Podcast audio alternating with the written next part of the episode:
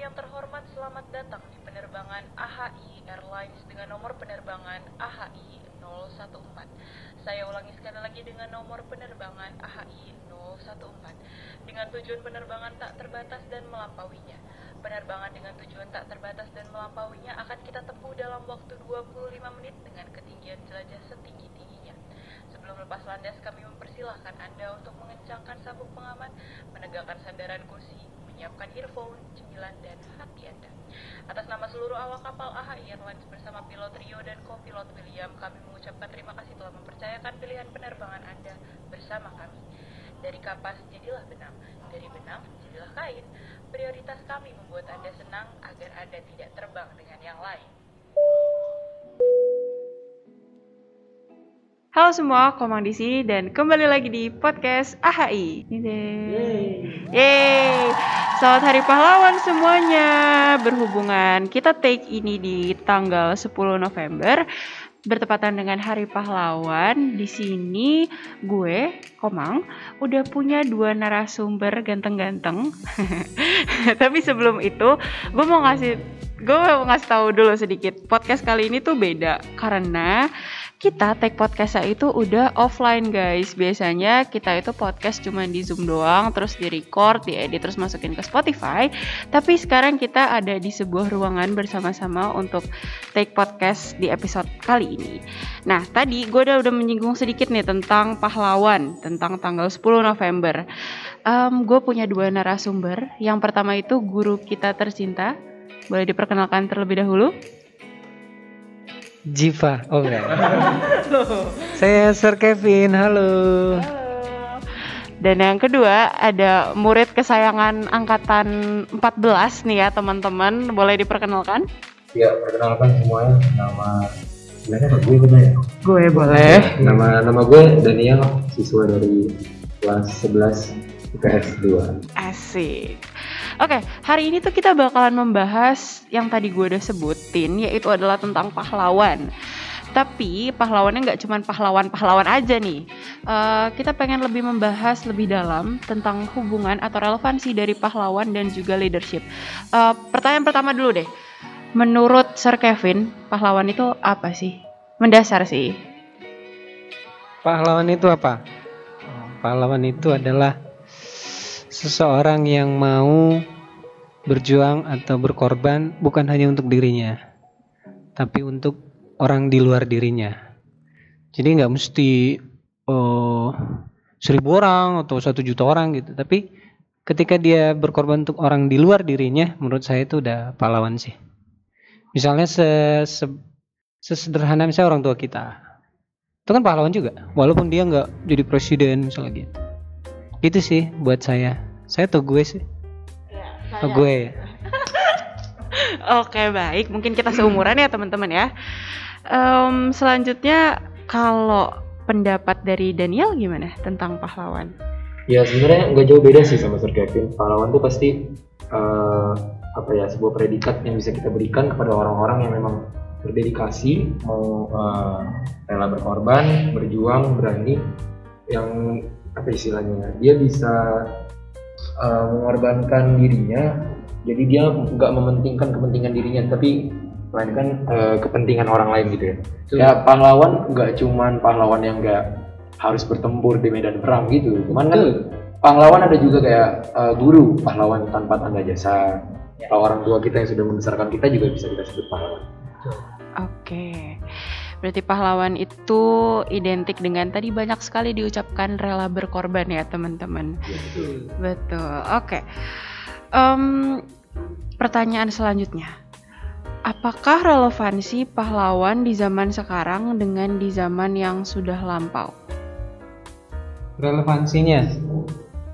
Relevansi pahlawan di zaman sekarang dengan zaman yang sudah lampau. Ya relevan, tetap relevan. Cuman bedanya lapangan perjuangannya kali ya. Kalau pahlawan zaman dulu misalnya Indonesia ya. Pahlawan zaman dulu ya lawannya penjajah gitu kan. Ya karena konteksnya itu memang kita dalam masa penjajahan. Piknik kita udah 76 tahun merdeka ya. 76 tahun merdeka. Ah, kan kita nggak ngelawan penjajah lagi dong. Udah lewat masanya. Iya, kita misalnya lawan kemiskinan gitu ya. Kemudian apa lagi? Ya, karena dikutip Banyak. sama uh, Bung Karno dulu pernah bilang ya, Hmm, perjuangan kita itu zamannya Bung Karno itu melawan bangsa lain. bangsa lain. Tapi perjuangan kita di masa sekarang ya melawan bangsa Betul. sendiri. Betul. Bangsa sendiri bangsa lain. Jadi menurut saya relevannya masih tetap relevan, cuman lapangan perjuangannya berbeda karena setiap zaman tuh punya tantangan masing-masing gitu. Jadi kalau pahlawan di zaman ini mungkin buat saya nih misalnya ya. Nadiem Makarim itu pahlawan loh. Setuju. Kenapa? Walaupun dia bukan berperang ya, Ya, dia menciptakan perubahan. aplikasi, ya kan?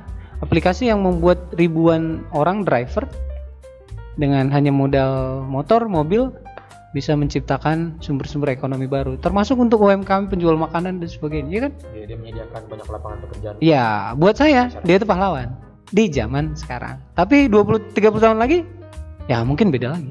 Jadi kalau tanya relevan buat saya masih sangat-sangat relevan. Oke, baik. Eh, ini dia pertanyaan untuk Daniel ya. bebas kan? pendengar mau dengerin kita ngomong. Yes, betul. Em, Oke, tadi kan dari tadi kita udah ngomongin kalau pahlawan itu identik dengan rela berkorban. Sering banget keluar kata-kata rela berkorban.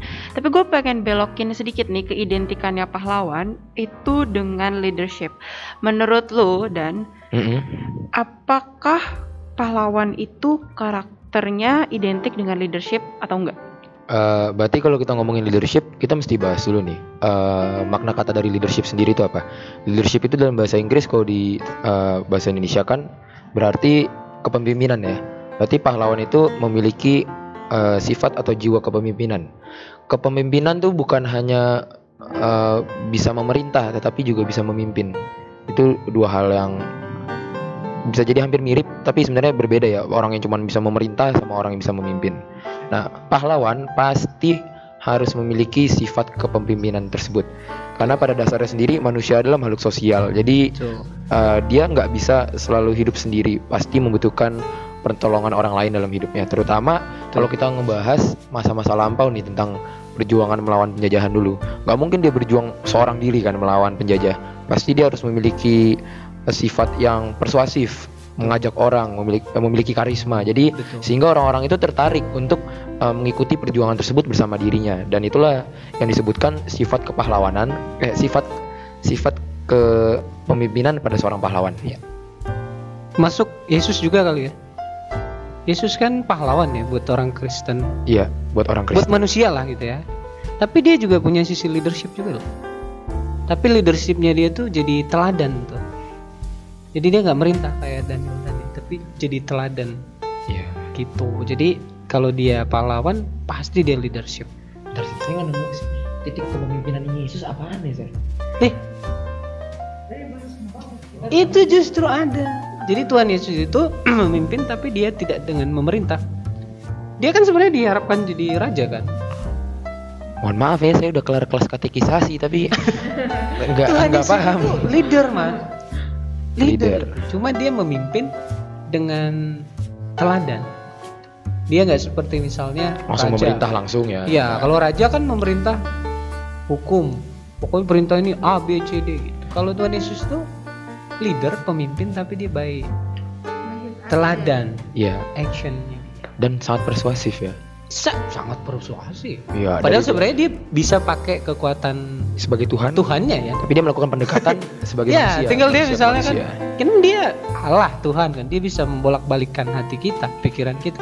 Tapi dia nggak menggunakan itu, dia menggunakan sisi kemanusiaannya, kepemimpinannya, leadershipnya. iya setuju setuju baru tercerahkan Iya. Tuhan Yesus itu leader itu. Gitu mas. Gitu kok mang. Oke deh. Oke. Saya juga terserahkan ya di sini ya. puji Tuhan Puji Tuhan. Oke. Eh, Oke, tadi udah terjawab ya teman-teman. Kita lanjut ke pertanyaan selanjutnya yang sebenarnya tadi udah dibahas sih. Sedikit-sedikit udah dibahas. Tapi aku pengen mastiin lagi nih ke Sir Kevin sama ke Daniel. Eh, kalau misalnya, apakah relevansi pahlawan di zaman sekarang dan zaman lampau, terus juga karakteristik pahlawan yang eh, identik dengan leadership itu ada keterkaitannya atau gimana nih? Coba ditegesin lagi sekali. Tadi kan kita masih ngoceh-ngoceh aja nih. Betul banget. Nah ini mumpung ya 10 November kan itu Hari pahlawan. Hari Pahlawan. Nah ini yang banyak orang nggak tahu. Apa itu sir? Yang berperang tanggal 10 November itu kan sebenarnya nggak tentara reguler ya. Rakyat jelata. Ah, Ya, bukan rakyat tentara biasa. yang memang semua kalangan Iya ya. dipersiapkan untuk bertempur kan gitu kan udah dijamin lah hidupnya kan gitu kalau tentara Betul. sekarang ya tapi kalau tanggal 10 November itu kan itu orang dari berbagai kalangan yang gimana ya ngerti nggak mas Rasa nasionalisme lah. iya jadi alasannya itu cuma gimana negara gua tetap mereka gitu nggak boleh nih bangsa lain ini ngambil Diganggu kan kedaulatan ya kan. gitu.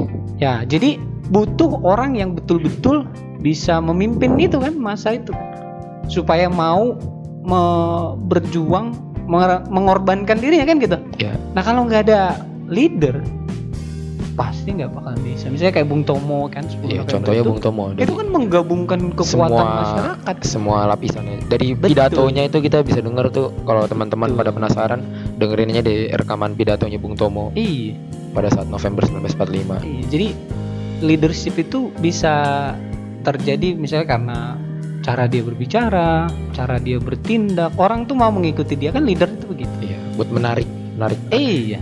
Pokoknya Menarik leader itu sebenarnya kalau Indonesia ya kebanyakan ya kalau di Indonesia itu kebanyakan karena kata-katanya. Iya, sangat sangat mempengaruhi orang ya. Sir. Iya. Bung Karno, Bung Tomo, apa lagi? Eh, kalau Sudirman memang agak jarang-jarang Jarang berkata-kata dia, berkata tapi dari tindakannya langsung. dari pribadinya dia orang eh, mau di bawah kepemimpinannya kan. Gitu. Dia jenderal bukan jenderal karena eh, penghargaan gitu-gitu, tapi memang karena fightnya dia. Sekarang gini ada yang menarik nih. Eh, menjadi pahlawan nasional di Indonesia itu ada ada syaratnya guys. Ya ada syarat-syaratnya ya. Ada satu ada satu syaratnya menarik. Harus sudah meninggal. Iya, jadi kalau dia bilang Iya. meninggal, Jadi kita itu nggak pernah memberikan gelar pahlawan nasional di Indonesia kalau masih hidup. Iya nanti cek deh di Google. Ada satu syarat tuh. Terus ada syarat lain misalnya berjuang untuk bangsa dan negara, nggak pernah mengkhianati negara gitu-gitu. Tapi ada satu syarat lagi harus sudah meninggal kan? ya, saya sebenarnya mau bahas nih tentang syarat-syarat syarat-syarat orang diangkat jadi pahlawan nasional cuman Nah, takut offside dari nah podcast ini ya. jadi kalau pasti kalau kepemimpinan yang sekarang kalau tadi kayak Daniel singgung pasti nggak itulah yang kita bahas ini. Tapi Ya. kalau pemimpin Indonesia di masa lalu itu generasi yang tahun 40-an, wah itu memang betul-betul berjuang untuk negara tanpa tanpa apa ya? nggak ada pamrih lah gitu ya. Iya, nggak ada hanya karena rasa Iya. persatuan aja, patriotisme dan Mereka- nasionalisme. terancam loh hidupnya waktu itu. Iya kan? Karena kita tahu sendiri ya, Sir, eh, di Indonesia sendiri baru mulai muncul rasa persatuan dari Sabang sampai Merauke aja Hmm. pas Sumpah Pemuda ya. Jauh sebelum itu kan kita sudah merasakan penjajahan tuh. Hmm. Jadi sifat perjuangan pasti masih bersifat kedaerahan ya. Ya, Masih mewakili daerah masing-masing, bertempur, berjuang untuk membela daerahnya masing-masing. ya. Nah, baru abad 20 lah Iya, mulai. mulai muncul kesadaran tentang nasionalisme gitu. Dan semua pahlawan kita yang memperjuangkan itu terancam hidupnya. Jelas terancam. Ih, Bung Karno dibuang berapa kali dia ke luar Jawa kan? Iya ya. Iya, terakhir dibuangnya ke Bengkulu. Bengkulu ke Bangka ke Medan. Nah, iya, itu nanti setelah itu. Jadi menurut saya pahlawan zaman dulu itu ketika dia dibuang pun di sono dia jadi pemimpin. Tetap Jadi mau di mana pun dia pasti sifat-sifat kepemimpinan Oh, itu iya. melekat lah. dan malah makin terkenal dia orang itu begitu pemimpin dunia-dunia yang pemimpin dunia yang besar itu biasanya kalau di penjara dia makin terkenal misalnya kayak Mandela benar nggak si Bung Karno Bung Hatta gitu Berarti sifat kepemimpinan seseorang itu kalau mereka udah punya sifat tersebut nggak akan pernah hilang ya. Ya karena udah melekat. Iya. Jadi istilahnya itu kayak emang diri mereka ya kayak gitu. dan dan nggak semua orang bisa jadi pemimpin Betul. gitu jadi apalagi di Indonesia itu eh, jarang lah ya muncul orang kayak Bung Hatta Bung Karno lagi gitu yang sekarang kayaknya sulit lah Iya. menyamai Bung Karno Tapi kenapa sekarang banyak orang berlomba-lomba ini menjadi pemimpin ya, Sir? Hah? Banyak orang berlomba-lomba ingin menjadi pemimpin. Ya karena kalau jadi pemimpin Indonesia sekarang sebenarnya sudah sangat enak, fasilitasnya sudah tinggi ya kan. Iya kayak Ya. misalnya nih kamu jadi gubernur DKI ya, harus gubernur DKI gitu ya? Misalnya, Misalnya, misal. gubernur DKI itu kan APBD-nya paling gede se Indonesia. Oh jelas. Nah, ada tuh namanya biaya dana operasional apa gitu ya. Itu dihitung dari insentif eh, pajak atau pendapatan daerah gitu. Itu miliaran mas. Iya sih. Dana operasionalnya selama satu tahun. Jadi kalau jadi pemimpin sekarang itu memang secara fasilitas sudah enak mas.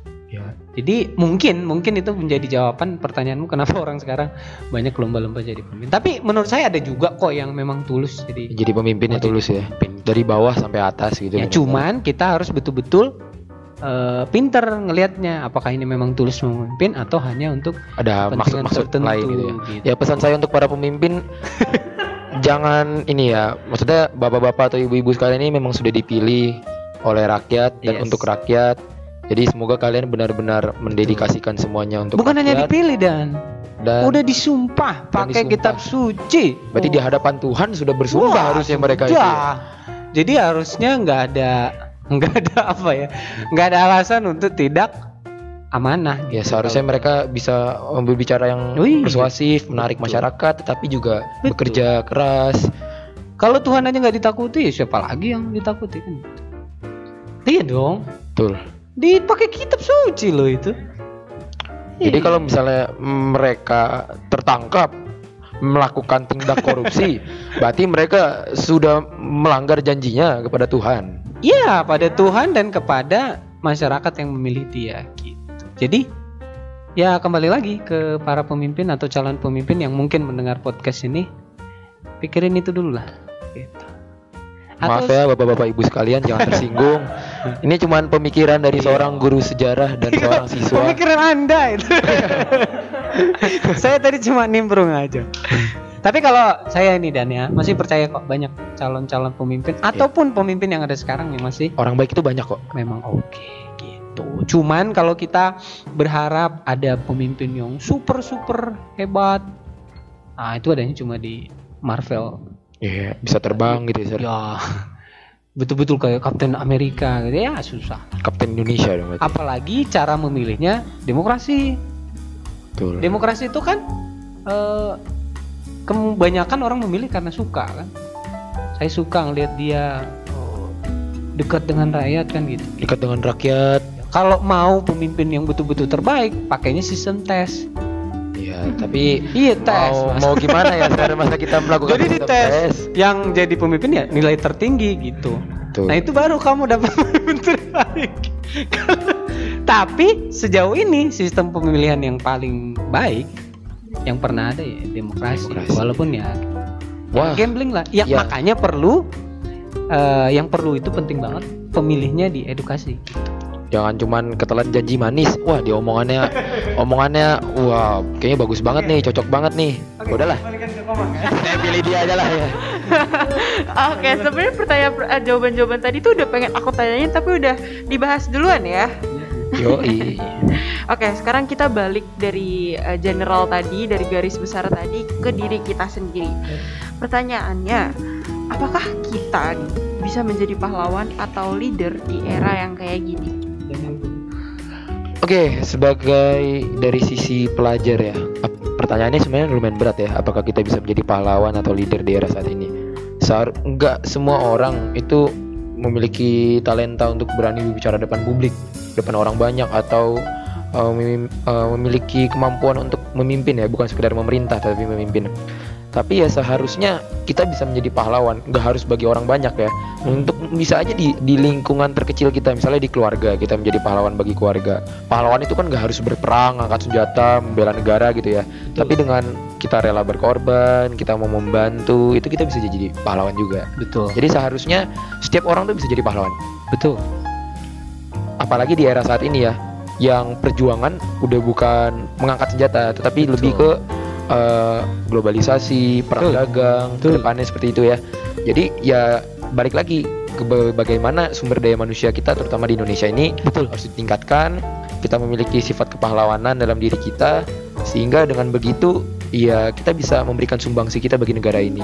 Ya, Betul. sebagai pelajar aja sebenarnya hal yang kita bisa teladani ya belajar dengan tekun aja. Belajar dengan tekun, dengan rajin itu udah sangat-sangat membantu bagi negara sebenarnya. Betul. Ya, jadi bisa nggak kita jadi pahlawan atau leader? Sangat bisa. Minimal untuk dirimu sendiri deh. Iya, mimpin diri sendiri aja tuh udah jadi pahlawan bagi diri Iya. sendiri ya. Gitu. Mimpin diri sendiri aja dulu. Misalnya bang, eh, masuk sekolah 6.30 gitu.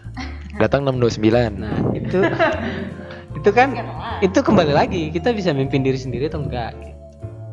Nah itu yang sederhana aja gitu. Simpelnya ya. Nah, tapi kalau kita merasa punya eh, kemampuan untuk memimpin orang yang lebih besar, boleh daftar OSIS misalnya. Gitu. Kepemimpinan itu kan sebenarnya kemampuan untuk mengorganisasi orang banyak. Iya. Nah, itu sulit banget loh, guys. Mengorganisasi orang banyak ini sulit. Ngatur diri sendiri keluarga aja sulit apalagi mengatur Orang banyak. orang banyak. Mengorganisasi. Nah, itulah.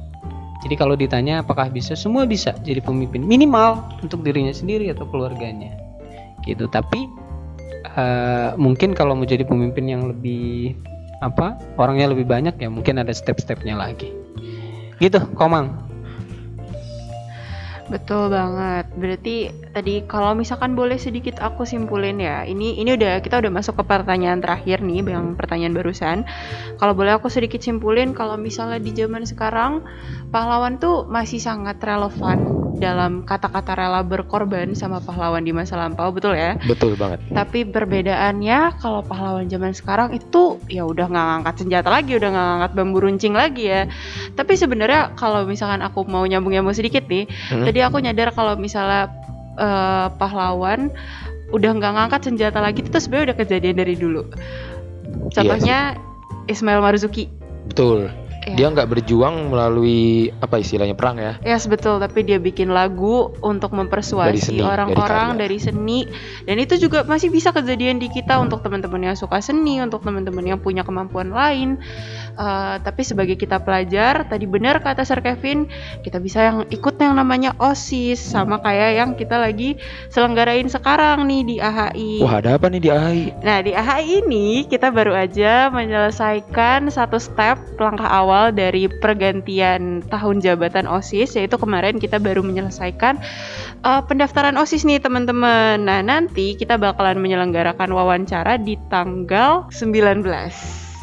Dan ke depannya pasti akan ada kampanye-kampanye nih dari pemimpin-pemimpin Calon pemimpin. calon pemimpin-pemimpin. Nah, banget. kita sebagai rakyat AHI kita harus memilih, nggak boleh golput ya teman-teman ya, ya. sangat tidak dianjurkan, bahkan dilarang untuk golput. Bahkan dilarang untuk golput. Satu suara pun berharga ya. Betul. Karena kalau nggak ada satu nggak ada yang lainnya. Betul. Jadi teman-teman nggak boleh golput dan kita sendiri yang akan memilih calon-calon pemimpin tersebut. Jadi kita yang akan mempertanggungjawabkan bagaimana kinerja mereka juga. Betul. Oke deh, kayaknya inilah closing statement silakan Sir Kevin. Oke, boleh. Daniel dulu. Sir Kevin aja dulu. Oke. Jadi pahlawan itu gitu ya Komang ya. Tadi dari sekian banyak bahasan kita, pahlawan itu nggak mesti yang misalnya tentara atau perang-perangan. gitu.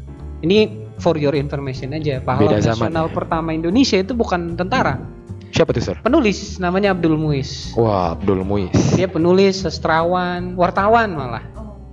Jadi bukan Dari tulisan berarti ya Sir? Iya, bukan tentara pahlawan nasional. Bukan mengangkat senjata. Jadi kalian dalam bidang apa pun bisa menjadi pahlawan. Nah dari karya-karya kalian itulah orang lain melihat, orang terinspirasi, orang tergerakkan. Nah ketika orang tergerakkan dan terinspirasi, kalian udah menjadi leader. Itu di sekolah ini juga bisa begitu. Kalau kalian bikin gerakan, bikin campaign, bikin karya, pasti orang lain melihat kan. Kalau itu bagus, orang akan tergerakkan. Kalau tergerakkan, kalian sudah jadi leader. Tapi minimal kalau nggak jadi leader orang banyak, jadi leader diri sendiri dulu. Betul banget, setuju Gitu. banget. Jadi closing sta- statement saya seperti itu. Jadilah leader untuk dirimu sendiri dulu. Nah kalau kamu punya kemampuan leader untuk orang lain, monggo silakan. Kalau closing statement dari gue sendiri sih sebenarnya simpel ya sama Sir Kevin. Mulailah dari hal kecil terlebih dahulu. Sepertinya dari diri kita sendiri. Kalau kita udah bisa kita rasa nih kita udah bisa memimpin diri kita dengan lebih baik, kita lebih disiplin. Barulah kalau memang kita mempunyai mempunyai anugerah atau uh, kemampuan untuk memimpin, baru kita bisa menjadi pemimpin. Tapi semua hal itu nggak langsung langsung besar kok. Pasti dimulai dari hal kecil dulu. Betul. Itu aja sih dari gua. Yes. Jadi jangan takut untuk memulai hal kecil tersebut ya. Asal positif. Asal positif, betul. Oke, inilah akhir dari podcast kita di Hari Pahlawan ini. Terima kasih Sir Kevin dan Daniel udah eh, udah mau jadi pembicara untuk hari ini. So guys, oh so flighters, see you on the next episode. Selamat Hari Pahlawan, pahlawanku, teladanku. Dadah.